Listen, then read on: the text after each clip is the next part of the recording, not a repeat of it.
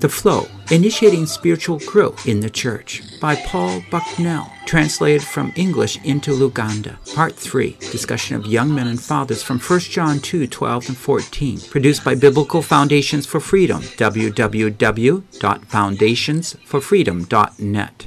Releasing God's truth to a new generation. Let's continue with the flow. This is the way we um, initialize it, bring in the spiritual growth in our church. eno yengeri gye tutandikamu era n'okuba nga tuteekawo okukola okwomwoyo mu kanisa And through this session, we're going to talk about both the young men and the fathers. era okuyita mu ssomo lino tugenda kwogera ku muwa- ku muvubuka era ne taata It's still from 1 John 2 12 to 14. era kikyali wali mu yokaana awasooka essola eyokubiri okuva ku lyosooka paka ku lwekumi n'ennya Now, we're combining the uh, young men with the fathers to keep it a little shorter here. tugasse omuvubuka awamu ne taata okuki- okukifunzaafunzaamu With a new believer, we establish the faith. era omulekole yakawuka tuba tumukakasa oba tuba tumunyweza kukkiriza With the spiritually young believers, we're battling for the faith. ate ono abeera agenda avubuka mu byomwoyo tuba tumutadde mutalwa mu kukkiriza With the um, fathers, we're talking about the mature Christians. And they have the seasoned faith, the developed faith. Again, I want to put a few questions in our mind. Hopefully, some of you are already beginning to uh, get in your mind this picture of a, of a spiritual map. ey'omwoyo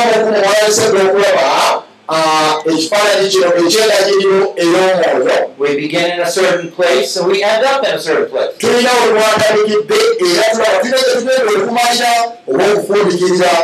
And now we, we talked about new believers.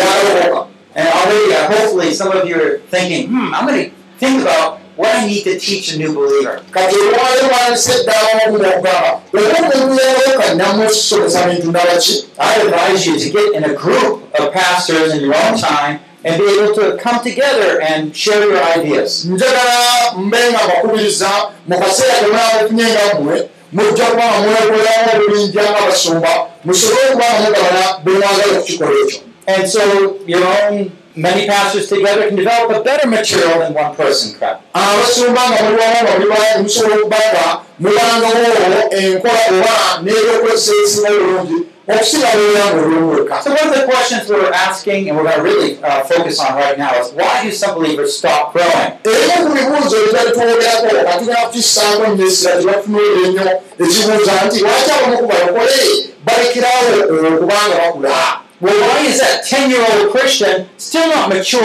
as a father? lwaki olesanga nti omulekole aweza n'emyaka nga kkumi takula n'abaana ali okuddayo okubeera ngaafuuka nakitala Let me put time in this aspect of growth here. kino nno ekyokulaga kiteekeko ebiseerere A new believer, maybe six months. and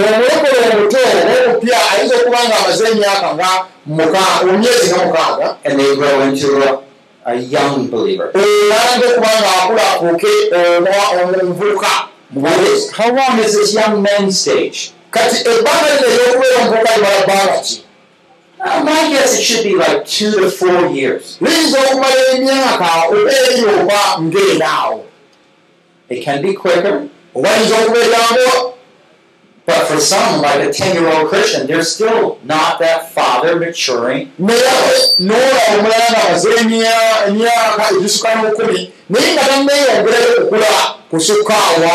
And the father stage, by the way, is going on to the end of our life on earth.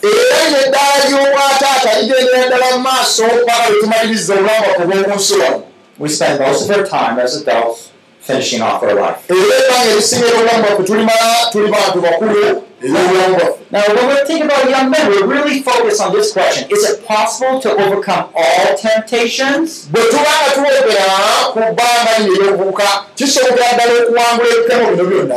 When we face failures that we have not been able to overcome,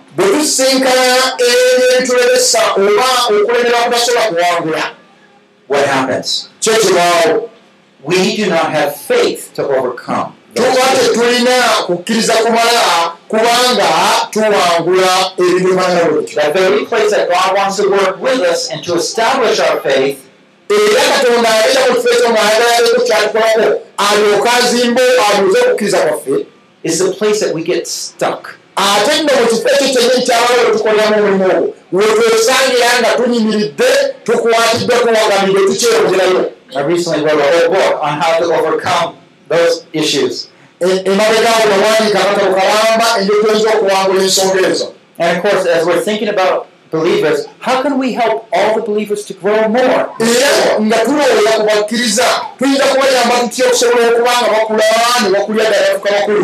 So if you're looking at your chart at the back, you'll see that there's this young man right in the middle.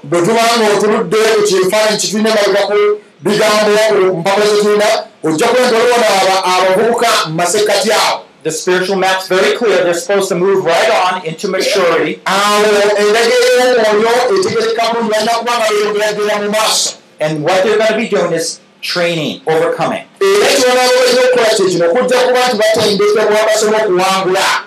Now remember, this is the issue with faith. It's like a battle.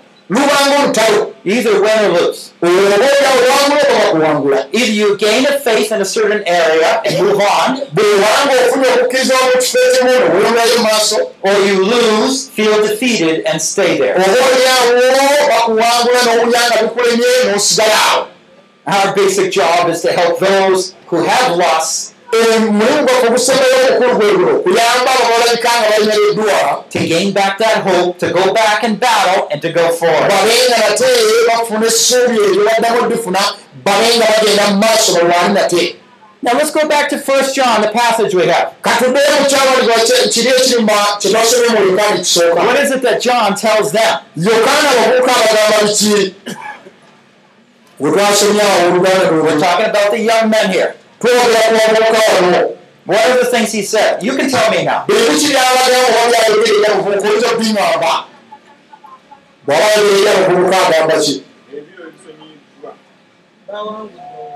You, you have overcome the wicked one. Is that you have overcome the wicked one? Okay. What, what else does he say?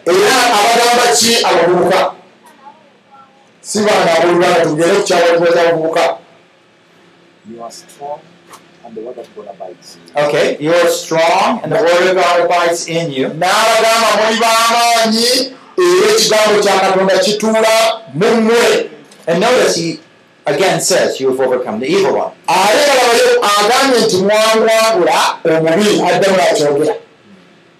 Now, some of us don't feel like we've overcome the evil one.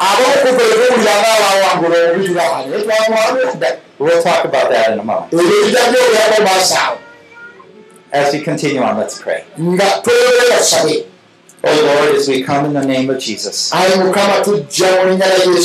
we ask that you would show us how to be an overcomer. Not because we're great, but because you're great. Tugwe lwa kitalo And this is what you're doing in our lives. Teach us, we pray, in Christ's name. Amen. amiina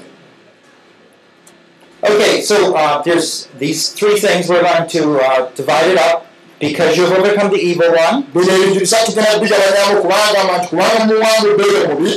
He mentions that twice. akyogera ekyo ebirungi ebi biramba Because you're strong. kubanga muli b'amaanyi And thirdly, the word of God abides in you. ekyokusatu kubanga ekigambo kya katonda kituulamu mmwe kibeera mu mmwe First of all, you've overcome the evil one. ekisookera ddala muntu muwangudde omubi Right in the same book of 1 John, chapter 5, verse 4, era mu kitabo kyekimu yokaana ebbaluwa esooka ttaano nnya it says, For whatever is born of God overcomes the world. And this is the victory that has overcome the world, our faith.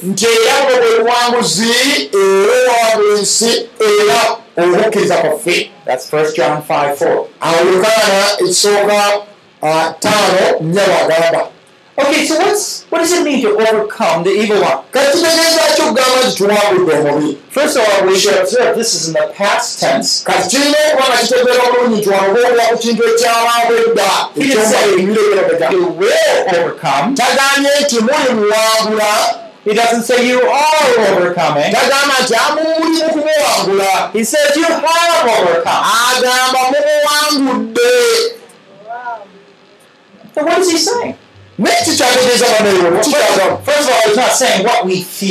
Ekisooka tayogera ku ekyo kye tuwulira muffe If we go by our feelings, we feel defeated, we would say, no, no, no. bwe tuba nga tugoberedde ebyo bya mpulira zaffe ze tuwulira tujja kuba nga tuwulira nga abamaliddwamu era abalemereddwa The evil one to overcome us. nga tuba tuga nti awo omubi atuwangudde You don't want to listen to your feelings. gwe toganyanga n'obiwuliriza And this is where the faith comes in. Faith is that apprehension of truth, that understanding of truth that helps you understand things, no matter what you feel. okutegeera ebintu ewa katonda nga si nsonga wali kibeetamu n'obanga obiraba mu ngeri ndala The point is, we are victors in Christ. ensonga eri nti tuli bawanguzi mu kristo yesu We have overcome. twawangula twandigambyeko nti amiina When Christ died, ye kristo bwe ya- bwe yafa it says in Romans 6, in Christ we died, kigamba mu baluumi mukaaga nti mu kristo twafiira wamu naye we were buried, ne tuziikibwa and we came alive. era ne tuzuukizibwa wamu naye And now we reign with Christ. kaakano tufugira wamu naye Now, this is the truth. Gano ge mazima The problem is when we get practical, ekizibu kiri wetanga okussa ebintu mukola Satan is still using his lies sitaani era aba akyakozesa obulimba bwe to project them into our minds and our hearts to such a way that we respond to his lies.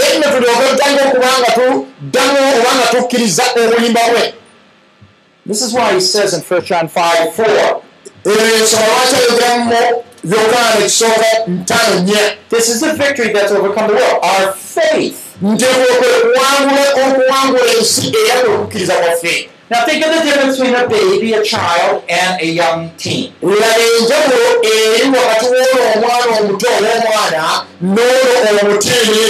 If I take my 10 year old here, nze bwe nzirira ono omwana wange olw'ekikumi I tell him to sit down, ne mugamba tula wansi and I take a spoon neyogangwata ejjiiko and try to put it in his mouth and feed him. neekwata emmere nange okumuliisa ku kijiiko Oh, not good seeing. ebyo byemaakola byebikyamu tebiri nayo What's, supposed, what's the difference? enjawulo eriwa The teen, the young man, has to learn to do it on his own.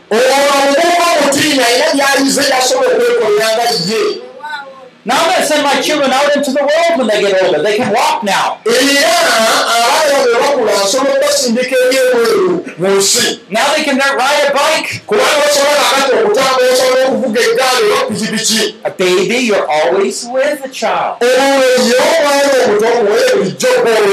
A, a young person? No, they're learning that sense of independence. yekka So he- they need to gain that sense of discernment and understanding to live away from someone else.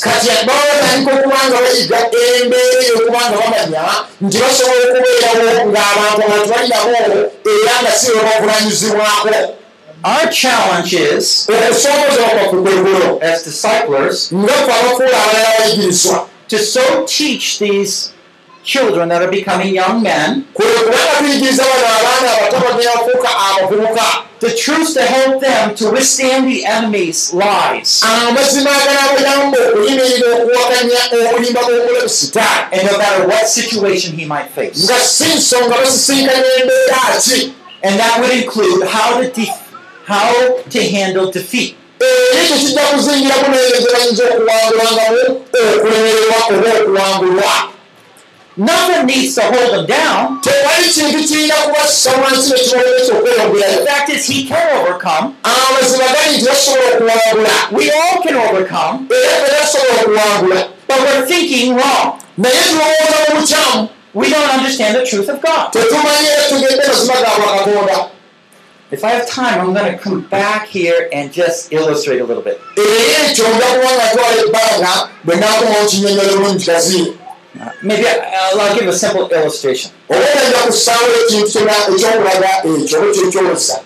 Uh, say, for example, um, I'm very nervous about preaching to you all today. This is my first time in Uganda. I don't understand you. I feel very welcome, and that helps me. But when I'm home, I'm thinking, what am I going to say to them? I have a test there. mbeera n'ekigezaawo I don't really know what to say.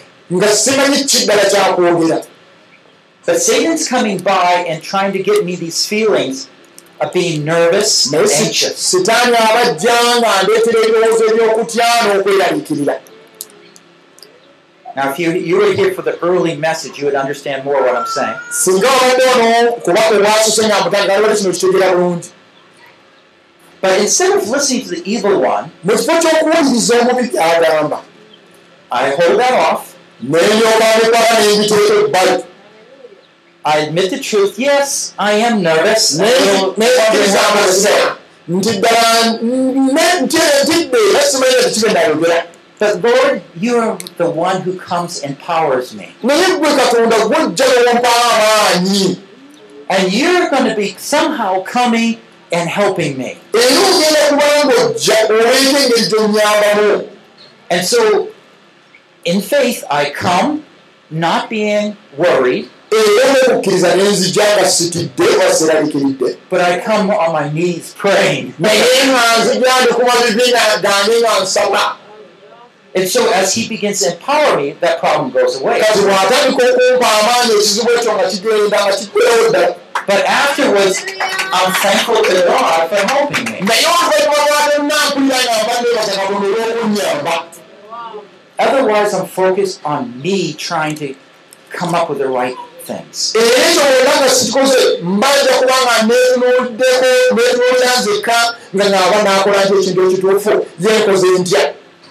Now, this happens in many areas of our life. My wife is being totally rude and unappreciative of me. ah,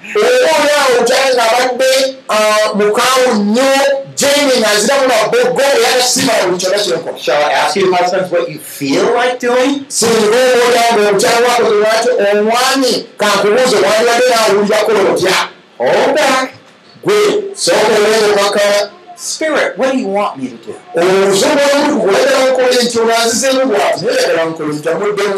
Do you see, if you are ever going to be an overcomer, you need to discern the thoughts going through your mind. Because otherwise, you cannot discern what the evil one's saying and what the Spirit of God is saying.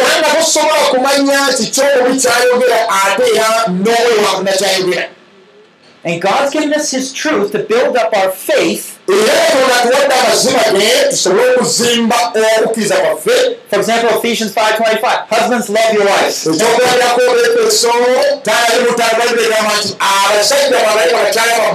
This is how I go through it. 1 Corinthians 13, love is patient. love is kind. That's right, I'm to love my wife.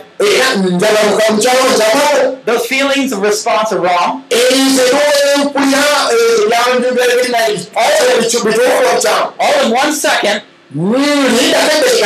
kasitutikamu I just patiently ask my wife, what's troubling you?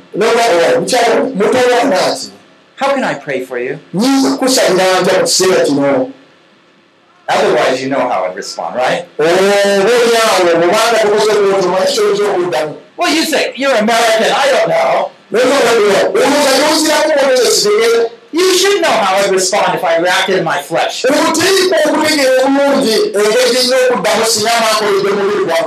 Satan works the same way around the world.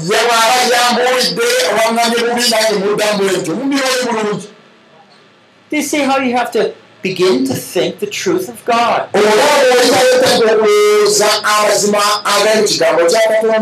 You discern the evil one, you reject it, you take the truth of God, which is the opposite thing, and then you do the, uh, the right thing. And It's just wonderful. And in any area of your life, this is the fact. So we want to understand we're the victors. The second thing it says, you are because you are strong. Ekyokubiri kigamba nti kubanga muli b'amaanyi 1 Corinthians 10 13. bakozesa ekisooka 113 1 Corinthians 10 13. bakozesa ekisooka 113 No temptation has overtaken you, nti teri kikebolawo kibakwata but is common to man. ekitali kya buntu And God is faithful, era katonda mwesigwa who will not allow you to be tempted beyond what you are able. atambaganyinga kukebebwa kusukkuluma ku kyo muyinza But with the temptation will provide the way of escape, naye nawe mulekebo anateekangawo engeri ey'okudduka you will be able to endure. awo mulyoke musobolenga ogumiikiriza You're strong. That means whatever difficulty you come in, kitegeeza buli bizibu by'ekisinkana you can be sure He's giving you sufficient strength, love, patience, whatever you need to carry out. You see, God promises never to put you in a situation that you can't handle by His grace. era katonda yasuubiza nti tagenda kussa mu mbeera yonna eyo gy'otasobola kubanga oyitamu otuwalirira n'obiwangula Uh, in America, when we're getting ready for a fight, we pull up our sleeves.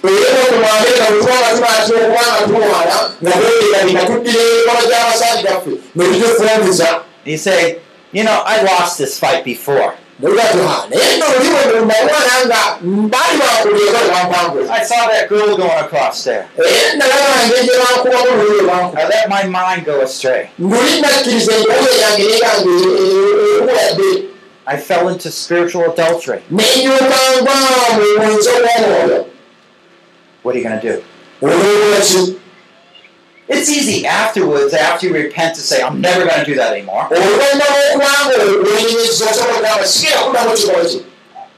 But those thoughts start coming through your mind again.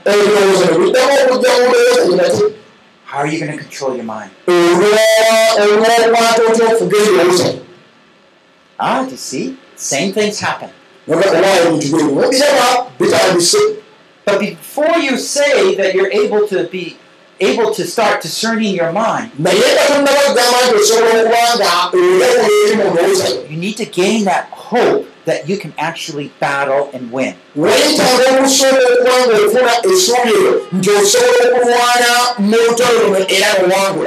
And this is where you pull up your sleeves. And kati wanonoodira n'ofumbiza You are strong. n'ogamba nti oli w'amaanyi You are strong. oli w'amaanyi What God has done in my life empowers me to live and face whatever sort of temptation. kati wuliriza katonda byakoze obulamu bwange kinsobozesa binsaamu amaanyi okusobola okubeera nga nsisinkana buli mbeera yonna newakulwanya n'entambula nga ndi muwanguzi Understand, I'm not saying be strong in your own, I can do it again. No, no, no, no. sigamba nti gobeera w'amaanyi mu ndowooza yo nti nze nga nze onja kusobola ebikola It's because God will put me in a situation that I know I can overcome. kubanga ye yinza kunteeka mu mbeera omumbe gye siyinza kubanga mpangula I might be like Joseph. I need your help. nga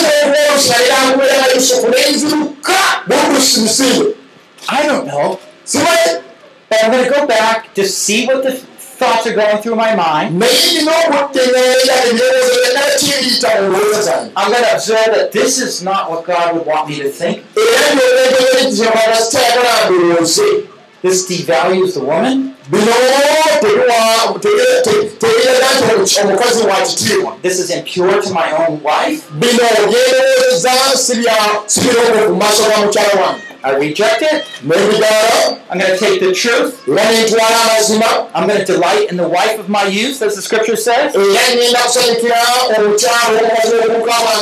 bwegamba and I'm going to start delighting, thinking in my mind about my special wife.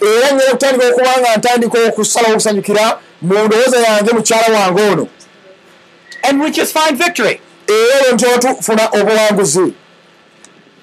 So we need to learn to cope with those feelings like giving up. tulina okuba nga tandika okuba nga tulaba engeri y'okuwangulamu oba okuyita mu mbeera zino ez'ebirowoozo okubeera ezo Okay, we have one more truth and we're going to break for lunch. Third phrase says, because the word of God abides in you. The Lord told Joshua to take over Moses' place. And the thing you need to do is meditate on the word day and night.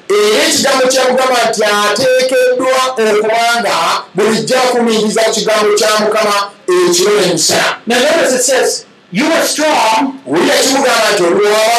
but the word because naye kiga nti olw'ensonga nti the word of God abides in you. ekigambo kya katonda kituula mu mmwe Now this is the word of God, the truth that I told you that needs to come into your mind.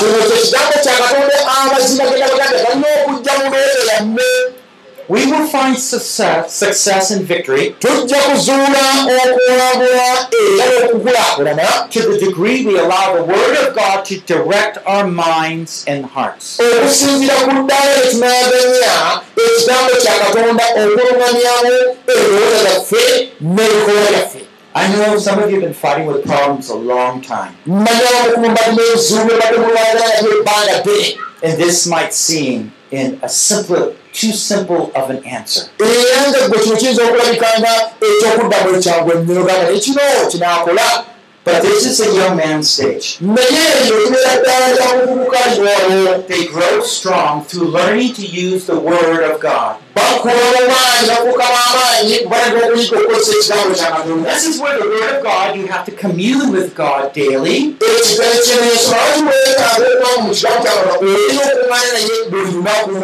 So it begins to shape your mind and your heart. There's three um, com- things, statements here. One is you have overcome. The second, you are strong. The third, the word of God abides in you. This shows us different needs for the young man.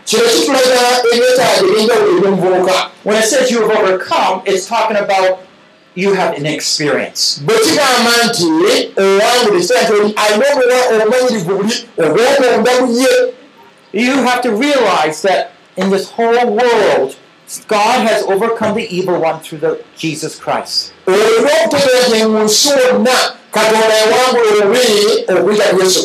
And Satan can use your inexperience, your defeat, in other words,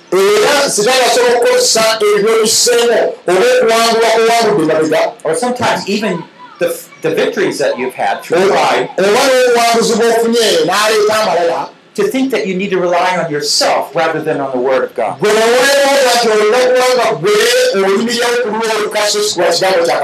He says you're strong because we're often very unstable when we're learning to overcome.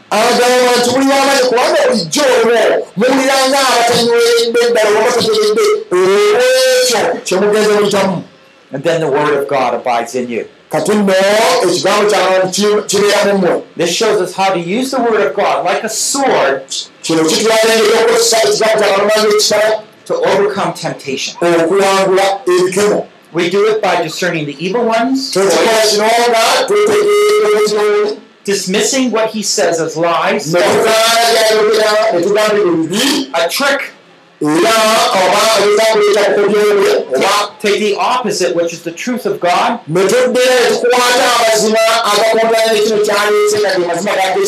bring it into my mind, and live by it. That's the Spirit of God would naturally do. That's his life. olwekyo He does.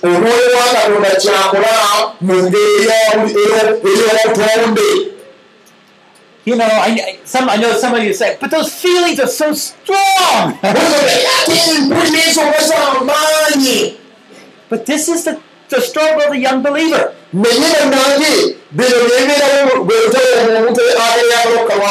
Do you remember Elisha? He says, he was up on the wall, he says, Oh, look at all the enemies.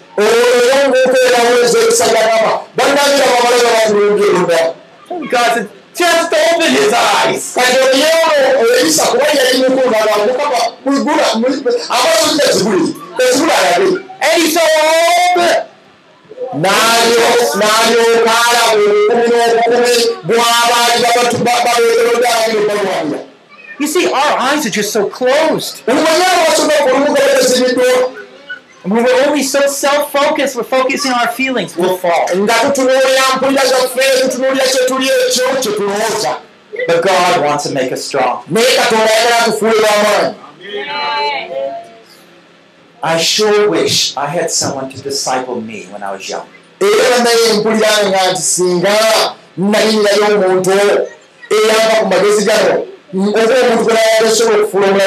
era I had fallen into many sins. kubanga manye bingi nnyo byempiseewo ebibi oba byenkoze ebi But I didn't need to.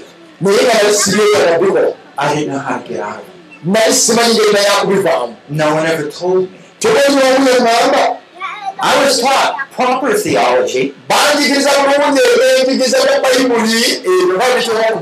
but not how it applied to practical life.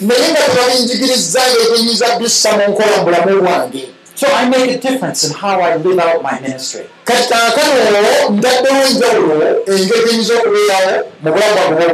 I'll take my son next to me now. Maybe he's 12, 14, maybe he's 8. oba alina emyaka kumi n'ebiri oba kumi n'etaano oba munaana Hey, let's sit down and talk about life.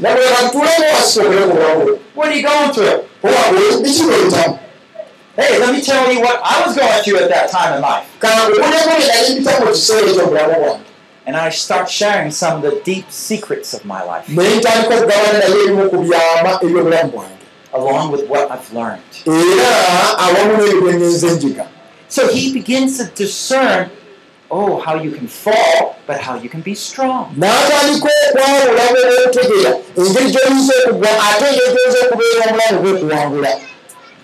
Has anyone ever done that with you? I'm glad to see some heads going, yes. But most people are not doing that. You might need someone now to go with you.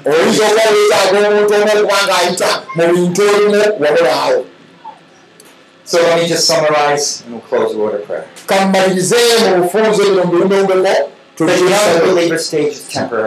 Ekiseera kino ekyomukkiriza ekyobuvubuka kyakaseera katono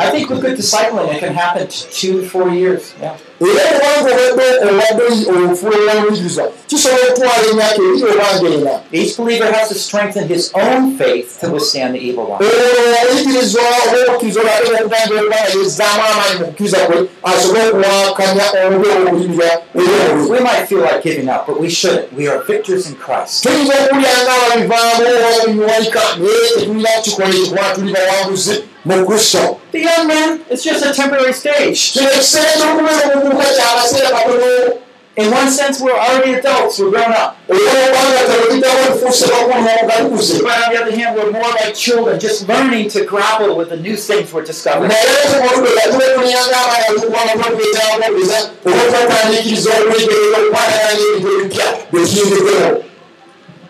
We are overcomers. tuli bawanguzi You are strong. olwamaanyi wabuli bw'amaanyi And God is depending on you. Era katonda yeesigameko gwe to stand up and learn to be a victor. Okubanga ku- owulirira oliko omuwanguzi and taking what you've learned, your failures and success, kuwangudde and show how the Word of God has helped you overcome. Olyoka olagenga ekigambo kyakama bwe kikuyambye okuwangula Have a men's group and share some things. beera n'aba- n'aba- n'abasajja mukumaleko mubeeko byogabana Have a women's group, share something. era n'aba ekibiina ky'abakyala nabo kibagabana Fathers, share with your sons. bataata nammwe mugabane n'abaana bammwe Mothers with your daughters. ne bamaama n'abaana babawola Let's share our lives. katugabane ku bulamu bwaffe Because the evil one works through quietness. kubanga omubi yakolera nnyo mu busirisi mu kutirikita mu kubeera n'eryama And he just wants to bury our young people, those struggling in this time, in the mud. era ayagala ddira abavubuka baffe kaakana abali mu kufuulafuuba oba mu lutalo abaziike wansi mu bitosi Instead of having faith for these people. mu kifo ky'okufuna okukkiriza olw'abantu baffe Let's remove the doubt. We look at the people in our churches. Let's remove the doubt from our minds and put faith that God can help them overcome. Kaakati tuggyemu okubuusabuusa ku lw'abantu baffe betulina makanisa tulyoke tubeere okukkiriza okugamba nti katonda asobola okubayamba Stop praying for those people that are stuck there in that middle stage. tandika okusabira abantu abo abaleka nga bawagamidde mu mbeera ey'obuteyongerayo kufuuka bakulu And you're going to be insistent in your prayer that God's going to help each of them move up.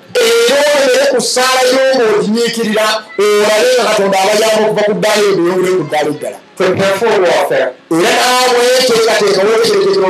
When you start praying like that for others, He's going to come and attack you. But you're an overcomer. You're strong. And those sheep need your help. Era n'ekibinye oba n'ekisibo kyo kikwetaaga oba endiga eyo yeetaaga obuyambi bwo Discipling is so powerful because you come along someone's side okusoofula obala obuyigiriza kikulu nnyo ekiba kikulu nnyo ddala and you share the secrets that you have learned that took you your whole life. n'olyoka ogabana ebyamaanyi oyinza okuyitambulamu bonna Praise the Lord. mukama yeebazibwe His word is powerful. Ekigambo kye kyamaanyi in era amaanyi ge era gaba gakola okuleeterayo ekitiibwa bulamu bwaffe That we might reflect Christ. tulyoke twolese kristo Let's pray. katusabe Oh Lord Father, ayi mukama kitaffe we are so amazed how you work within us. Lord, some of us have failed. In one sense, we've all failed. But Lord, if we still are there, naye bwe tuba nga tukyali stuck in our faith, nga tulina wetuwagamidde okukkiriza kwaffe we ask that you might make us strong. tusaba nti otuyambe tubeere b'amaanyi Bring back that hope that we can overcome. tusobola okuwangula Some of us need to change the way we've been doing things. Many of us need the truth of God to better invade our hearts and minds.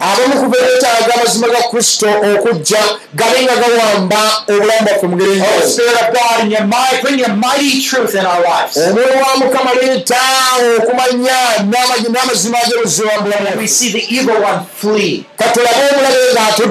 The darkness, kigenda the light of God shines in our hearts. omusala gwa katonda gujje gwake ku bulamu bwaffe Lord, some of us have never really learned how to share our personal lives and struggles with others. abamu ku ffe tumanyanga era tuyigana nangeri yagabanamu bulamu bwaffe era n'okwolwo bye tuba tetuyitamu nga tufuba n'abantu abalala Help us, O Lord, tuyambe ayi mukama to be overcomers tubeere abawangula and help others to be those overcomers. era n'okuyamba abalala okubeera abawangula Thank you so much for working with us so patiently. weebale mukama okukolera awamu laffe ng'otugumiikiriza We don't deserve any of it, tetugwanira na kintu kyonna. But it's another display of your constant love. naye otulaze okwagala kwokutagwawo gye tuli. In Christ we pray. mu linnya lya kristo mwe tusabidde. Amen. This concludes part three of The Flow Initiating Spiritual Growth in the Church by Paul Bucknell, translated from English into Luganda. Produced by Biblical Foundations for Freedom, www.foundationsforfreedom.net, releasing God's truth to a new generation.